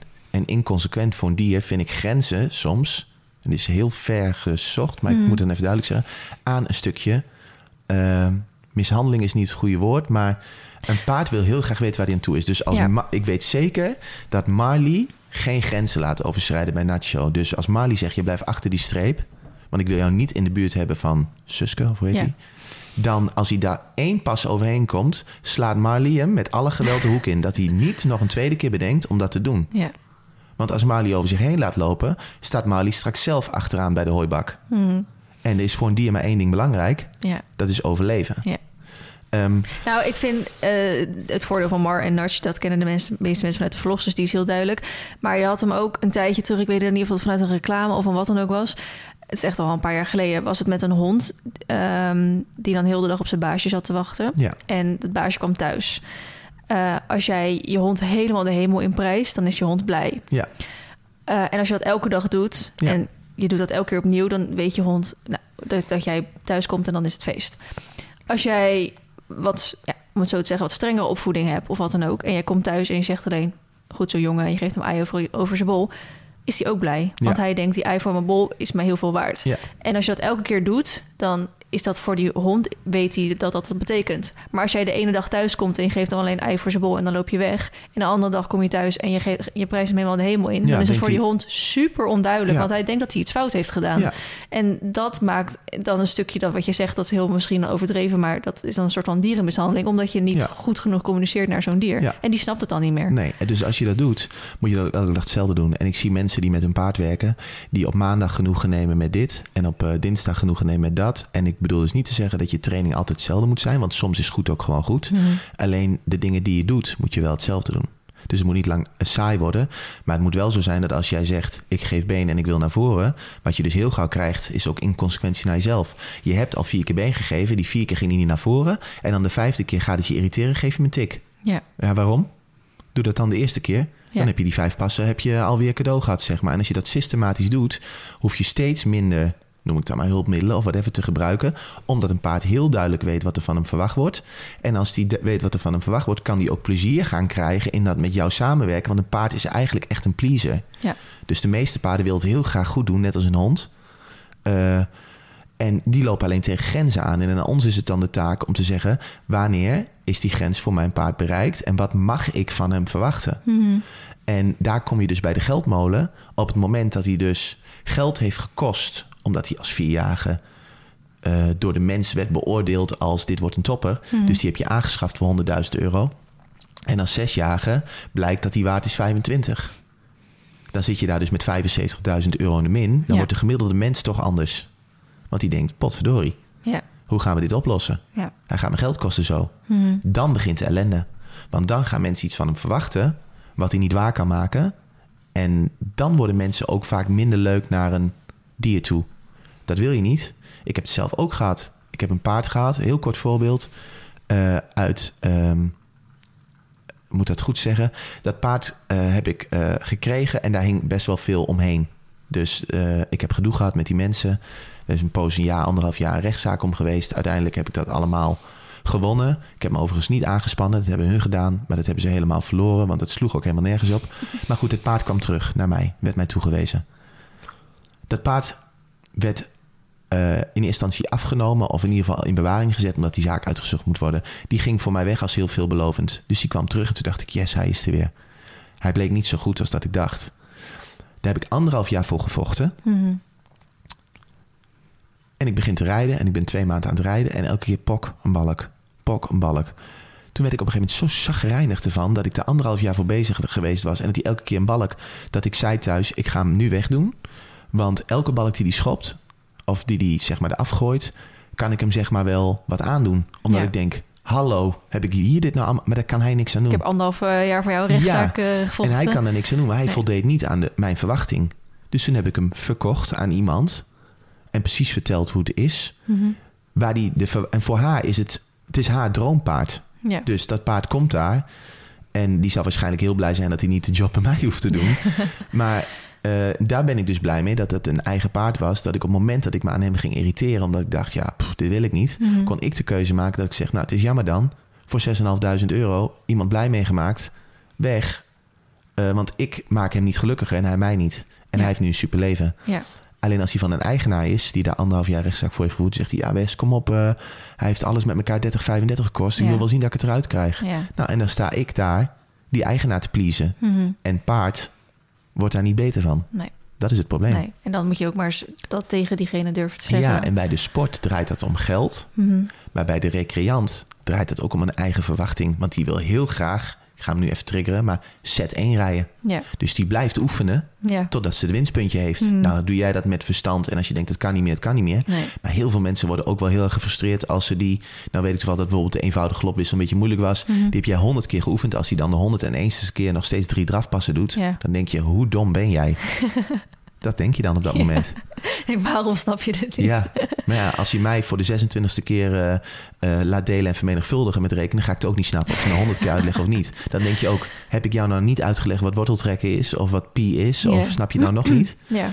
Maar ik moet ook zeggen, ik heb me ook echt wel afgelopen maanden soms afgevraagd... ben ik egoïstisch dat ik dit wil? Ja, nou ja, als je het duidelijke antwoord daarop wil hebben, Ja. licht gezien, nou, heb ik zelf ook hè. Mhm. Ja, want jij wil heel graag zet en rijden met Ja. een winstpuntje, maar eigenlijk is het voor eh, zijn type paard helemaal niet weggelegd. En een jurylid die dat moet beoordelen, gaat niet kijken van oké, dit is een heel ander type paard. Wat knap dat hij hier al loopt. Die kijkt gewoon naar wat hij ziet. Mhm. Dus eigenlijk zeg je voor jezelf, ja, ik wil heel graag dat hij dat doet. Nou, dan ben jij nog zo. Als we dat ene puntje binnen hebben, dan is het goed. Ja. Alleen heel veel mensen zijn niet zo. En bij ons draait het dan snel om geld. Mhm. Maar bij andere mensen draait het om hun eigen voldoening. ja. Ik heb echt wel veel mensen gehad die zeiden van... oh, heb je nu niet soort van de smaak te pakken en wil je Ja, niet door? dat is het gevaar. Ja. Dat is ook met een jong paard het Ja. gevaar. Je gaat rijden. Je gaat morgen rijden met Nacho. Hij loopt fijn. Dan moet je eigenlijk zeggen na een kwartier... nou, beter kan hij niet lopen. Hij is vier oud. Ik gooi hem weer lekker eh, in de wei. Ja, Nee, jij zegt... Of jij niet, maar de gemiddelde mens zegt dan... Oh, ik ga nou even door, want nou loopt ja hij zo ik ga fijn. gelijk even kijken of hij kan wijken. En Ja, gelijk even want kijken hij, of hij... hij dit- is nou zo toegankelijk. Dus Ja. hij zegt eigenlijk die dag... nou, ik geef mij helemaal aan jou. Ja. En jij gaat nog een grensje verder. Ja. Is heel onlogisch. Ja, precies. Hey, we hadden het net over dat eh, aanspreken van elkaar op wedstrijd. Want we gingen er vrij snel doorheen. Daar had ik nog even vragen over. Ja. Ehm, ik snap het, dat jij iemand durft aan te spreken. Ja. Maar ik zou dat dus niet durven. Omdat ik als iemand daar met een, weet ik veel, Totilas Jazz-achtige paard kom... die inderdaad eh, 50.000 euro heeft gekost. En eh, ik heb zelf ook geen ervaring met dat soort paardenrijden. Dus ik weet ook niet hoe dat is. Ik heb heel even kort een special Dimerie gereden. Toen begreep ik even iets meer met hoe Dat soms... eh, dat ja. het soms op andere manieren even moet. Ehm, ik zou, terwijl ik het wel zou zien, want ook ik denk heel veel amateurruiters zien het ook ja, niet. zeker. Terwijl ik het wel zou zien, zou ik dus nooit zo iemand durven aanspreken. Nee, ja, dat snap ik. Maar hoe, wat dan? Want wij- Nou ja, kijk, als iedereen natuurlijk met elkaar gaat eh, zitten steggelen op concours, dan worden we het nooit eens. Want Mhm. als je al zes instructeurs naast elkaar zit en laat je Marnie Ja. begeleiden, dan heb je al zes verschillende Ja. meningen. Ik denk dat de groep die het wel kan, met elkaar, dat die het moet doen. Dus ik denk dat types als ik, die het wel durven, dat zeker moeten doen. Maar Dus heel moet je een soort stukje verantwoording ja, nemen of zo. verantwoording nemen. Ja. En heel veel mensen doen dat niet. Dus er zijn heel veel mensen die met elkaar leuk een biertje kunnen drinken in de kantine na de wedstrijd. Alleen als ze hem dan bezig zien, niet zeggen van... hé, hey, moet, moet, vind je dit nodig? Mhm. Ja. En dan word je, dat wil ook niet gelijk zeggen dat je gelijk ruzie moet maken. Mhm. Alleen dat gebeurt dan wel. En Ja. dat kan dus niet. Ja. Dat is het probleem. Als ik morgen iemand aanspreek op zijn ehm stel. Ik heb wel eens iemand aangesproken. ehm, die was op voortgaan aan het springen. En als het hoger wordt dan 1,30, zeg maar, dus vanaf zet, mag je dus losrijden met een slofje. Nou, dat kan voor. Dat is dan ooit zo bedacht, omdat die mensen dan kundiger zouden zijn dan Mhm. iemand in de B. Nou ja, prima. Eh, ik doe het nooit. Ik ben niet tegen een slof. Dus ik vind, als die als hulpmiddel goed ingezet wordt, zou het de bedoeling moeten zijn dat je die twee, drie keer gebruikt op de juiste manier en dan kan laten varen. Waardoor je dus niet, eh, zeg ik het ook weer heel plat, een maand lang aan die knol hoeft te trekken. Dat hij gewoon Mhm. een beetje leert in ontspanning van, ik kan mijn, bijvoorbeeld Nacho had een iets rechtopstaande hals. Dan was hij heel erg meegaand en wou hij heel graag goed zijn ding doen. Dus heb ik Mhm. niet nodig gehad. Maar sommigen vinden het ook echt iets moeilijk om die hals te laten zakken. En als je dan een maand lang rondjes rijdt met de hals recht omhoog, train je hem eigenlijk alleen maar de verkeerde kant op. Dus als je hem dan een beetje leert Ja. van hé, hey, op die aanspanning kun je ook zakken en je ontspant gelijk Ja. als dat in kunnen Maar gaan dat is. is het lastige, want ik zou jou bijvoorbeeld met een slof vertrouwen. Ja, Terwijl ik ook als eh 15-jarige Marley echt wel een keer met een slof gereden Ja. heb. Die Mar die pas vier was. ja, en dat is het. ook gedaan. Dat is het gevaar dat je dat amateurs ook denken: het lukt mij niet om mijn paard nagevelijk te krijgen. Ik ga er een slof om doen en dan word je Ja, wel verkeerd geplukt. Klopt. En het moet eigenlijk zo zijn dat je dus denkt: oké, het zou ook. Het zou het ook zonder kunnen, want het kan altijd, hè? Mhm. Alleen dan kost het veel meer tijd. Mhm. En de vraag is of hij daar direct die eerste maanden beter van wordt. Maar goed, los van of ik dan een slof zeg maar goed vind of niet. eh, je mag dan losspringen dus met een slof. Nou, dan, zie, dan vind ik, het kan een sommige paarden springen wat rechtop. Als, die de, zeg maar, als je zelf een stijve nek hebt en die doe je naar links en denk oeh, dat doet zeer. Maar je legt je hand tegen je hoofd en je drukt heel langzaam aan met gevoel. Denk je, oh, daar houden, even wachten tot hij ontspant. Nog een stukje. Dan doe je dat met gevoel, dan kan dat helpen. Zo vergelijk ik dat altijd een beetje. Alleen in de praktijk komt het er gewoon op neer. Hij laat zijn kop niet zakken, dus ik trek aan dat ding. Ja. Dan kun je tegen een slof zijn of je kan tegen het feit zijn hoe mensen hem inzetten. Ik heb het laatste. Ik zie driejarige dressuurpaarden standaard op internet met een slofteugel eraan. Gaan die dan allemaal harder dan mijn driejarige springpaard of wat? Ja. Dat is niet zo. Die zijn gewoon bang. Dus die zitten erop, die zijn bang. En die hebben de stuurbekrachtiging erop, zeg ik dan altijd met een slofteugeltje. Want in het geval dat hij hard gaat, kan ik hem remmen. Ja, Ja. hey, je rijdt in een binnenbak. Je kan hem ook gewoon richting de hoek in de muur sturen, manen vasthouden. En remt hij ook. ja, precies. Dus het en is ook met slofteugel onzin. kan die gewoon bokken en Precies, springen. is gewoon onzin. En als hij gaat bokken, moet je juist zien dat je zijn hoofd omhoog houdt. Want dan valt er ook niet voor over af. Het is gewoon onzin. Het is gewoon eigen angst. Ja.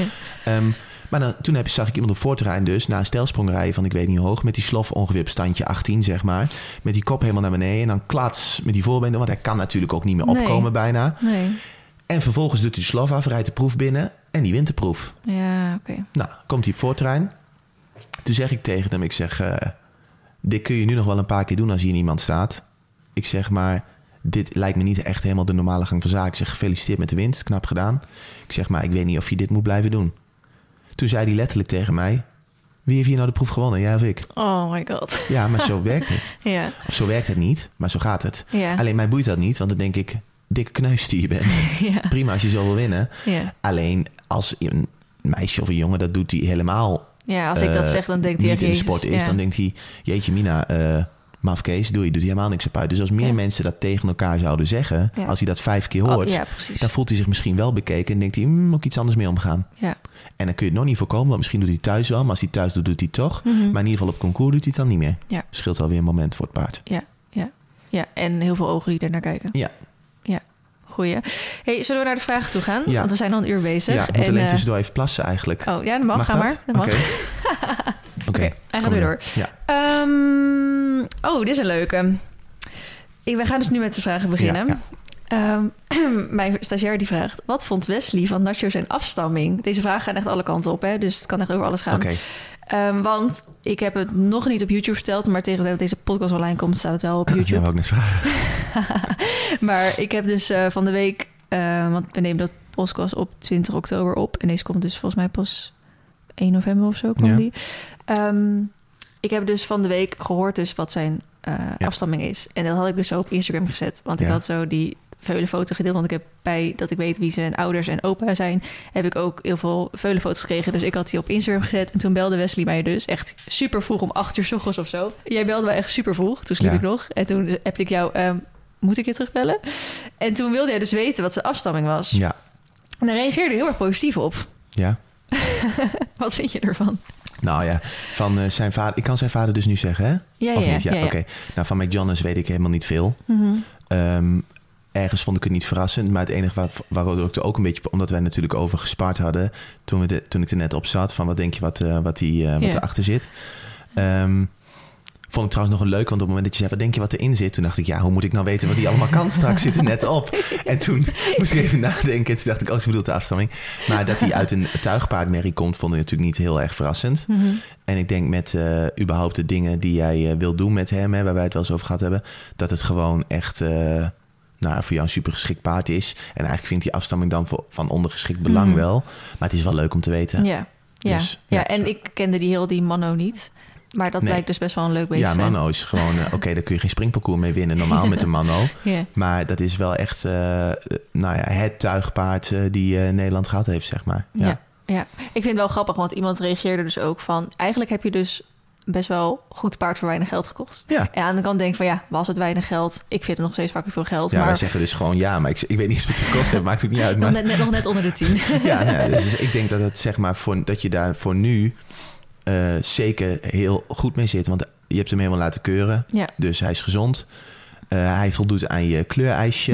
Nee, maar dat is ook nog een dingetje. ja, karakter ook. Nou, het karakter is super. ja. Eh, voor de dingen die jij, Hm. eh, de eisen die jij stelt, dus plezier aan hebben. En wanneer je het leuk vindt, wedstrijdje rijden, is hij ook topgeschikt, denk Ja. ik. Dus eh, ja, waarom moet hij 20 kosten als die Nou, voor precies 10 dat. eh, er is? Maar er zijn er meer die dan voor 20 gaan Ja. als voor dit geld. Dus ja, ik denk wel dat je Nou, een ik heb er ook echt hebt. wel over nagedacht om mijn budget te verhogen, maar ik vond dat wel heftig. Klopt. Omdat ik het en ook dan wel... moet ik ook bijzetten dat hij natuurlijk niet helemaal in wilde aankwam. Dus je moest, daarmee bedoel ik, het is een heel leuk paard. Ja. Je had het goede gevoel bij. Maar het is een beetje als een eh, boerderijtje die eh, er nog niet uitziet. Waarvan ze straks zeggen, wat heb je een droomplekje? Ja, Ja, ik heb wel twee jaar zitten verbouwen, vriendin. Dus toen die kwam, zag hij natuurlijk niet zo mooi. Dus je Nee. moest wel fantasie bij hebben. Dat hij gewoon mooi werd. Ja. Ja, en dat is gelukkig wat ik kan, Ja. ook met een huis of met een paard. En dat, eh, dat scheelt in de prijs. Ja, want als je zeg maar nu jouw fase traject volgt en je voert hem en je traint hem, ja, dan kan ik mij voorstellen als je hem zou verkopen, vraag je ook 20 of 25, want dan zit hij in een heel andere conditie, gezondheid, trainbaarheid. Ja. En ik moet ook zeggen, want ik heb, eh, nou, ik volg sowieso een hele hoop mensen op Instagram. Maar recent, ongeveer tegelijkertijd met dat ik Nacho kocht, kochten twee meiden die ik ken, of nou, niet persoonlijk ken, gewoon via Instagram ken, kochten allebei toevallig een schimmelruin, allebei ook. De ene kwam uit Frankrijk. En de Nou, andere uit Wennewiesel. Nee, nee, nee, niet die. die in mijn had gekocht, maar die niet. Maar nee, met... ehm, en de ander kwam eh, gewoon bij ook een bekende springruiter uit eh, Utrecht of zo vandaan. Die had set gelopen. Ja. Eh, die uit Frankrijk had twee ster gelopen.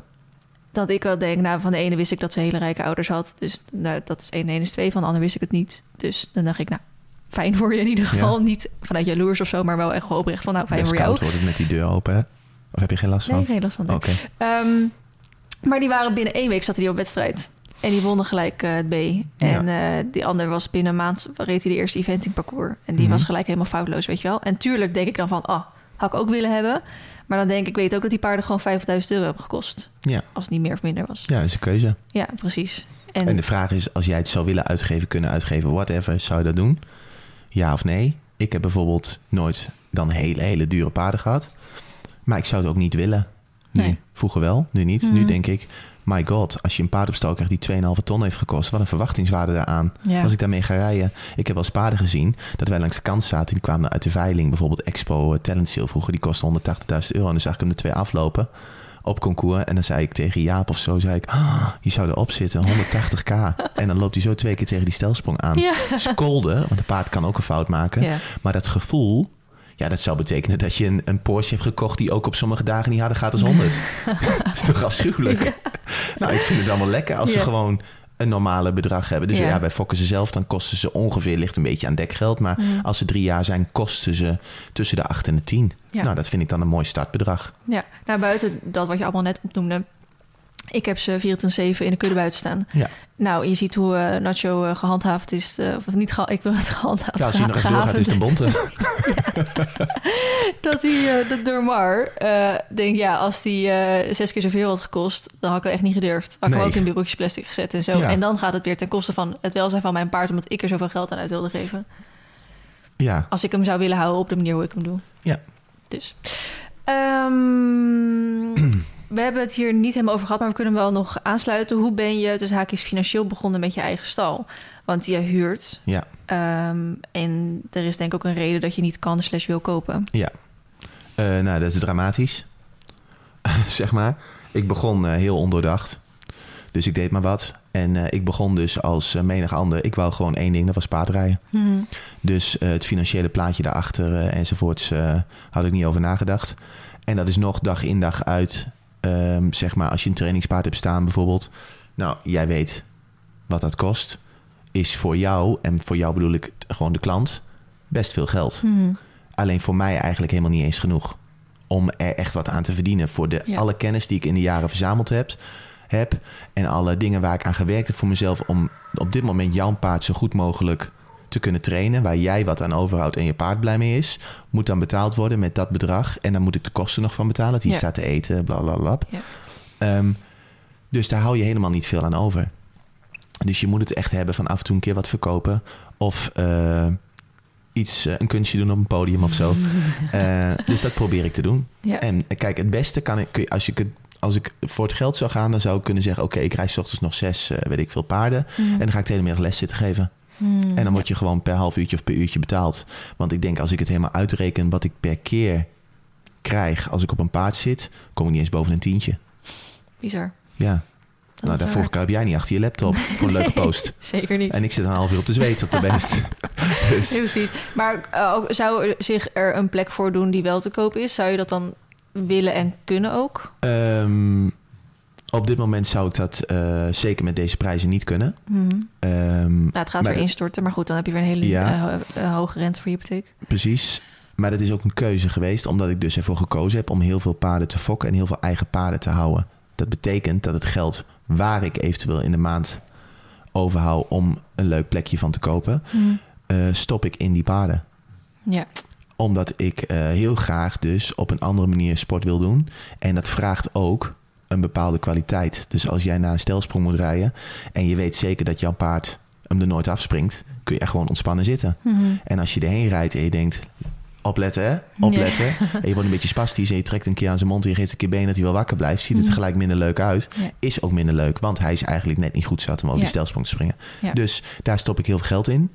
En eh, zelf leef ik eigenlijk maar heel normaal. Gewoon, eh, nou zie je, ik heb maar gewoon een klein huisje. Maar ik ben wel heel gelukkig op deze plek. Ik heb ook niet veel meer nodig zelf. Ah, dat is cute om te horen. Is- Eh, je hoogte- en dieptepunten in je leven? Ehm, vind ik lastig, want het zijn er allemaal meer. Ehm, als ik een echt dieptepunt in mijn gewoon persoonlijk een dieptepunt in mijn leven moet doen, en dan ga ik kort houden, want anders kan ik het niet eens droog houden, is dat ehm, in dit geval mijn oma, moeder van mijn moeder. Die is overleden een aantal jaar geleden. En daar was ik heel gek mee, maar daar ben ik de laatste jaren voordat ze overleed veel te weinig geweest. Doordat ik alleen maar aan het werken, werken, werken, werken, werken was in Twente. Mhm. Dus dat is dat stukje dat het is maar een uurtje. En dan dacht Ja. ik, vanavond ga ik naar oma. Ja. En dan was het vijf, zes uur. Oma ging een beetje op tijd al natuurlijk slapen. Dan dacht ik, morgen ga ik naar oma. Mhm. Nou, en dan was morgen ook voorbij. Dan had ik weer wedstrijd. dacht ik, nou, dan ga ik volgende week maandag naar oma. En elke keer naar mijn voor ga ik naar oma. Tot op de dag dat ik aan het werk was, dat mijn moeder belde dat morgen niet meer kwam. Mhm.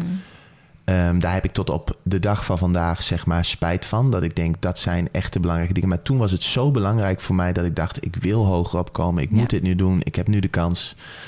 Ehm, ja, als ik daar aan terugdenk, denk ik... eh, ja, vind ik echt een dieptepunt. Ja, snap ik. En ik weet zeker dat zij het mij nooit kwalijk neemt. Want mijn oma Hmm. was niet zo. Maar ik denk wel dat ze af en toe gedacht heeft... goh, waar blijft hij? Ja, ja. Ehm, en hoogtepunten. Ja, ik heb hartstikke veel, doordat ik dat dus allemaal gedaan heb, hartstikke veel leuke dingen kunnen doen. Ehm, hele leuke sportieve successen gehad. eh, hele mooie reisjes gemaakt met de vrachtwagen naar Oostenrijk, Duitsland, eh, overal geweest. Eh, ja. En mijn hoogtepunt is voor mij ook op mijn eigen paard voor het eerst bijvoorbeeld zitten, die ik zelf gefokt heb. Waarvan ik dacht, nou, dit is een hele lastige rakker. Mhm. En heb ik dan een paar maanden voor de tijd genomen.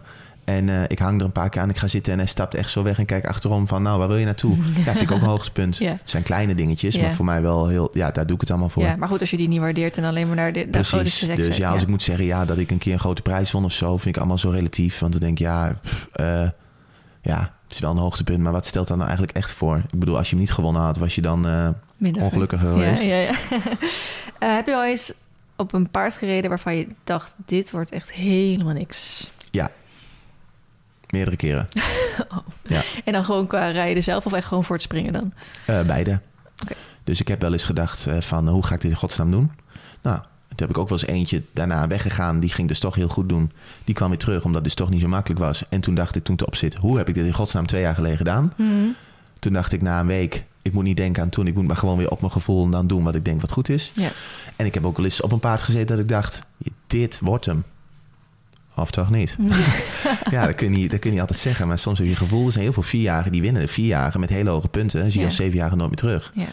Dus ja, het is moeilijk. Hm, grappig. Ehm, hoe was je op het idee gekomen om varkentjes te nemen? Ehm, dat was eigenlijk meer een idee van de mensen om me heen. Die vonden dat heel erg leuk. En Mm. ik zei, nou gaan we echt niet doen. Eh, je hebt alleen maar werk mee, je kan er niks mee. Ga ik wel aardig goed.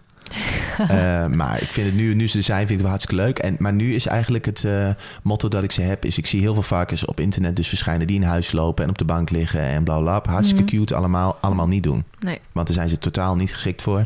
En de filmpjes die je ziet zijn verreweg van de realiteit. Want ze lijken net zo groot als een kleine Jack Russell. Maar dan zijn ze eigenlijk nog veel te jong. Mhm. Want toen ik ze met acht weken kreeg, waren het geen Jack Russells. Maar eigenlijk, eh, nou ja, nee, nee groter. groter, oh. groter. Ehm, dus eh, dan zijn ze zo jong op die filmpjes dat ze leuk achter je aan. Ja, ja. Ze je door je huis en zeggen, ah, cute. Maar dan zijn ze eigenlijk zo jong dat ze eigenlijk gewoon achter mama aan willen. Eh, dus eigenlijk is het gewoon heel zielig. Mhm. En ze willen echt met die neus door het zand. En dus zo hebben wij ze ook. En ze lopen hier een beetje los. Nou, dat zag je Ja, vanmorgen. Ik ja. kwam varkens tegen. dus eh, ik vind nu gewoon is meer missie dat ik denk... dat bij deze twee in ieder geval een vark varkenwaardig leven of zo. Varkenwaardig. Ja, Wat voor opleiding heb je gedaan om te doen wat je nu doet? niks. heb je een opleiding gedaan? Eh, ja, maar niks afgemaakt. Oh, Dus ik heb eh, hier in Apeldoorn op Velus College Meenpak gezeten. En eh, ben ik uiteindelijk afgedwaald naar het VMBO. Nou, dat heb ik dan eh, gehaald.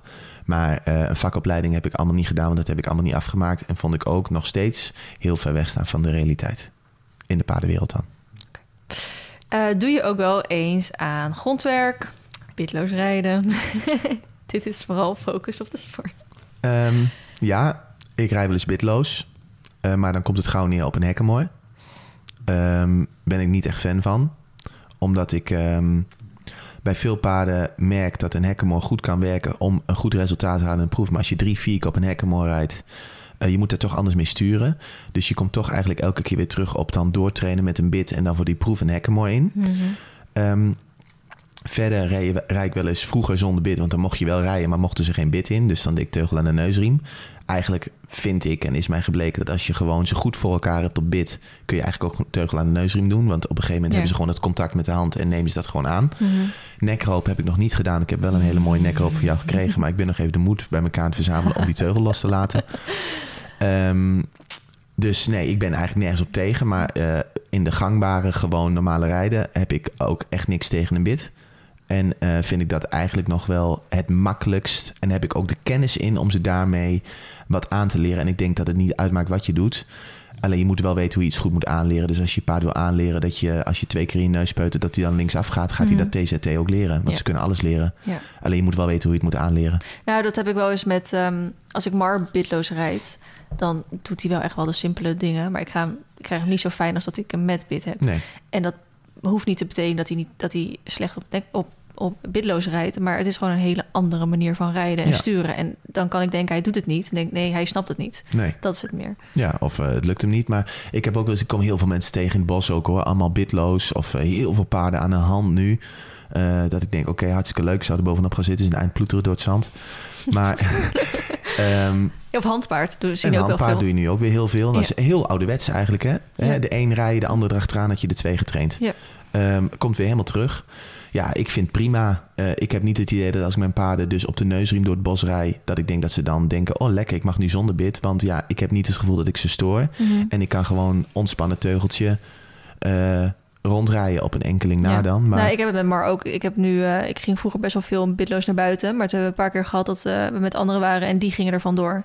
En toen had Mar heel snel door dat ik zonder bit ja, lekker echt, trekken aan je neusriem. ja, echt En binnen te vertellen had. En ik ben echt, ik heb echt nog nooit zo onveilig gevoeld op hem. Ja, en ik vind dan, als je dan gewoon de hele tijd een lang teugeltje kan rijden met bit in, Ja, hoeft het dat- niet te storen. Nee. En als die afrent op die 80 weg aan het eind van een zandpad, is het toch wel lekker als je even een keer aan de handrem kan trekken dat je er niet op vliegt. Ja.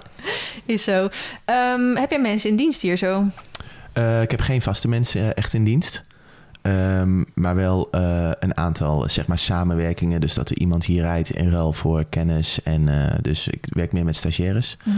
Moet ook zeggen, is ook een keuze omdat, eh, nou ja, omdat ik dus veel eigen paarden wil houden. Dus ik stop liever mijn geld eigenlijk in mijn paarden dan in eh, mensen. Hey, we hebben echt nog een miljoen vragen. Zal ik er nog even twee doen? Want Ja. jij moet weg en ik moet op een gegeven moment ook weg. Hey schatje, kom Hallo, Leo. hier zo. Leo je ook in de wat, eh, oh, lekker bijten. Oh, lekker ja, hem maar gewoon af hoor. Oh, mag het Ja, mag wel van mij, maar ik bedoel, als je, anders zit hij straks in je Oh, en nu is het klaar. t-shirt. Nu is het klaar. Oh, Ja, dat kent hij dus nog niet. nee. Ehm, Leo, even voor de luisteraar. Eh, ja, we zitten dus nu op een uur en twintig minuten. Ja, En nou ja, goed, wat ik zei, jij hebt nog een plan eh, en een planning en ik heb nog een planning. En, ehm, maar ik denk, want we hebben nog zo ontzettend veel vragen dat het heel leuk is om een keer gewoon een tweede keer eh, samen Ja. iets op te nemen. En dan ja gewoon, of misschien wat ze ook wel veel doen is live gaan of zo. Dat we dat een keertje doen. is ook leuk als ze veel vragen hebben. Ja, toch ze toch wel vaak. Ja. Ik doe dat nooit hoor. Omdat ik altijd denk, ja, wat moet ik hier in godsnaam doen? Maar als je met z'n tweeën kan praten of interactie hebt, Ja, is misschien wel eens leuk. nou, dat is, aan de ene kant is dat leuk, maar ik zou het niet altijd als in plaats van een podcast doen. Omdat het gewoon heel iets eigenlijk anders is. Oh ja, nou ja, doen we een podcast. Ehm, als je paard geen vertrouwen heeft in balken, dus bijvoorbeeld balkenangst, Mhm. wat doe je dan? Dat vind ik een beetje lastig, want ehm, ja, ik begin heel vaak, eh kom er maar bij of Leo, op gewoon je hoe stoel. vertrouw je het springen Ja. op als je... Ja, Ja. nou ja, uiteindelijk begint het al met dat je natuurlijk een beetje een eh, plan moet hebben. Ik maak ze, laat ze vrij snel kennis maken met balken. Dus als veulen zijn, dan laat ik ze al een keer achter de moeder die het wel kent. Gewoon een balk op de grond door de bak heen galopperen. Nou, gaan Mhm. ze eerst een beetje spastisch overheen. En op een gegeven moment snappen ze dat, vertrouwen ze dat. Eh, dan laat ik zelfs jaarling altijd een klein huppeltje maken. Als, als het me lukt qua tijd. Als tweejarige ook en als driejarige ook. Ehm, dus ik laat ze er gewoon... eh, Eentje die het spannend vindt, laat ik het veel zien. En eh, dan laat ik ook soms wel een ander paard voorgaan. Dus als je nou een hele brave hebt, zoals wat wij met de buitenrit deden. Toen Ja. Marley rustig bleef staan bij de koets, bleef die ander ook staan. Ja. Als die ander wegrent en heel spastisch gaat doen, heeft hij een nare ervaring. Ja. Dus eh, als het spannend vinden, doen wij ook vaak een paard voorop en laten hem daar achteraan. Net zolang dat hij zelf ook alleen durft. Mhm. Oké, goeie. Ehm, wat doe je met jonge paarden als je geen inspiratie meer hebt? Wegdoen. Stikken erop, ongeschikt, volgende.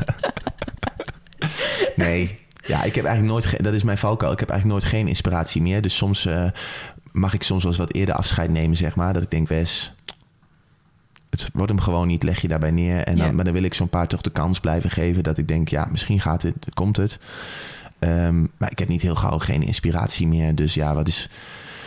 Alles is wel op te lossen. Alleen als ze echt niet kunnen springen of niet voorzichtig zijn of eh, heel nonchalant, ja, dan is dat niet heel wenselijk. Nee. Want daar kan, ik, ja, daar kan ik wel wat aan doen. Maar dan moet het op een manier die ik niet wil. En dat wil ik dus niet. Dus dan stop ik er wel mee. Ja, precies. Doe jij alleen paarden die je zelf gefokt hebt verkopen? Of koop je ook wel iets, iets en ik dat koop nooit wat in. Oké. Ik doe, koop, verkoop eigenlijk alleen wat ik zelf gefokt heb. Al die mensen zijn ook heel blij. Omdat eh, ik kan hun precies vertellen... Vanaf dag één deed hij dit. En ik doe Mhm. dat dus ook. Dus je krijgt bijna een gebruiksaanwijzing mee van eh, vijf pagina's. Heb je ook wel eens wat gefokt dat niet verkoopbaar was? Nee, nog niet. Ehm, dus ja, ik doe ze een gebruiksaanwijzing mee van vijf pagina's. En ik denk dan altijd, als je er wat mee doet, is het leuk. Zeg je, ik doe er niks mee, ook best. Maar ik geef altijd helemaal aan wat ze te eten hebben gehad. Wat ze, dat ik, omdat ik zelf heel vaak er tegenaan loop, dat ik dan een paard krijg die iets heel anders heeft meegemaakt wat ik niet weet. En dan moet Ja. ik het zelf weer gaan. Ik denk, had het me maar gezegd, had ik Ja, erop in kunnen spelen. Ja. Dus ik zeg dat altijd, dus soms wel een beetje veel. Ehm, maar tot nu toe wordt dat wel gewaardeerd en klopt het ook altijd. En hebben die mensen er echt hele fijne paarden aan. En eh, ja, Ja, fijn. En je doet wel eens dat, dat inderdaad eigenaren dus paard hier in training zetten. Wel, en dan ja. is de bedoeling voor de verkoop. Voor de verkoop, ja, dat Ja. doe ik ook wel. Ehm, en, eh, maar niet zo heel veel. Want eh, ik, pff, ik ben ook niet heel geschikt voor al dat uitproberen. En daar gaat iemand erop zitten waarvan ik denk... ja, je kan net paardrijden, die gaat dan een mening geven over de paarden. Ik denk, meisje, wees blij dat hij jou nog over die hindernis heeft getild. Dan moet ik me heel erg inhouden dat ik Ja. daar niet wat van zeg. Want eh, ja, daar heb ik al een beetje moeite mee. Dus mijn eigen paarden zoek ik eigenlijk altijd iemand bij. Mhm.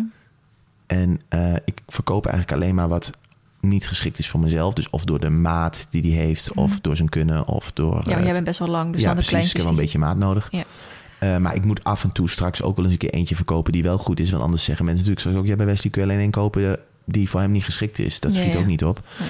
Maar ik wil eigenlijk wel proberen om zo lang mogelijk door te gaan met mijn eigen paard. Dat die echt de kans hebben bij mij. Want Mhm. daar heb ik ze eigenlijk voor gefokt. Hetzelfde als dat je, weet ik veel, baby's maakt en die dan weggeeft of zo. omdat je de niet knap vindt. Ja, Ja. ik probeer ze dan echt wel gewoon bij mij te houden. Want daar heb ik het eigenlijk voor gedaan. Ja. Maar financieel kan dat niet altijd. Dus soms Nee. moet er misschien één weg om de andere zes wel te kunnen laten staan. Ja, ja, precies. Hey, als laatste vraag, heb je er al eens over nagedacht om te stoppen? Ja, meerdere malen. Gaat niet gebeuren. Eh, nee. Voorlopig niet. nee, het gaat niet gebeuren. Maar heb ik al meerdere malen aan gedacht. Als je soms tegenslag op tegenslag Wat zou je dan krijgt. gaan doen? Ja, weet ik dus echt niet. Dat is, ook, zingen? dat is ook het punt. Nee, Oh, dat is ook het punt waarom ik denk, nou laat ik maar niet doen. Want ik zou niet weten wat ik moet gaan doen. Nee. Ik vind het eigenlijk veel te leuk. Alleen soms als je tegenslag op tegenslag krijgt, is dat wel heftig. En dan eh, Ja. ben je wel een keer klaar mee. ja, snap ik. Alleen, eh, ja, mijn eigen paarden brengen nogmaals dan heel veel plezier.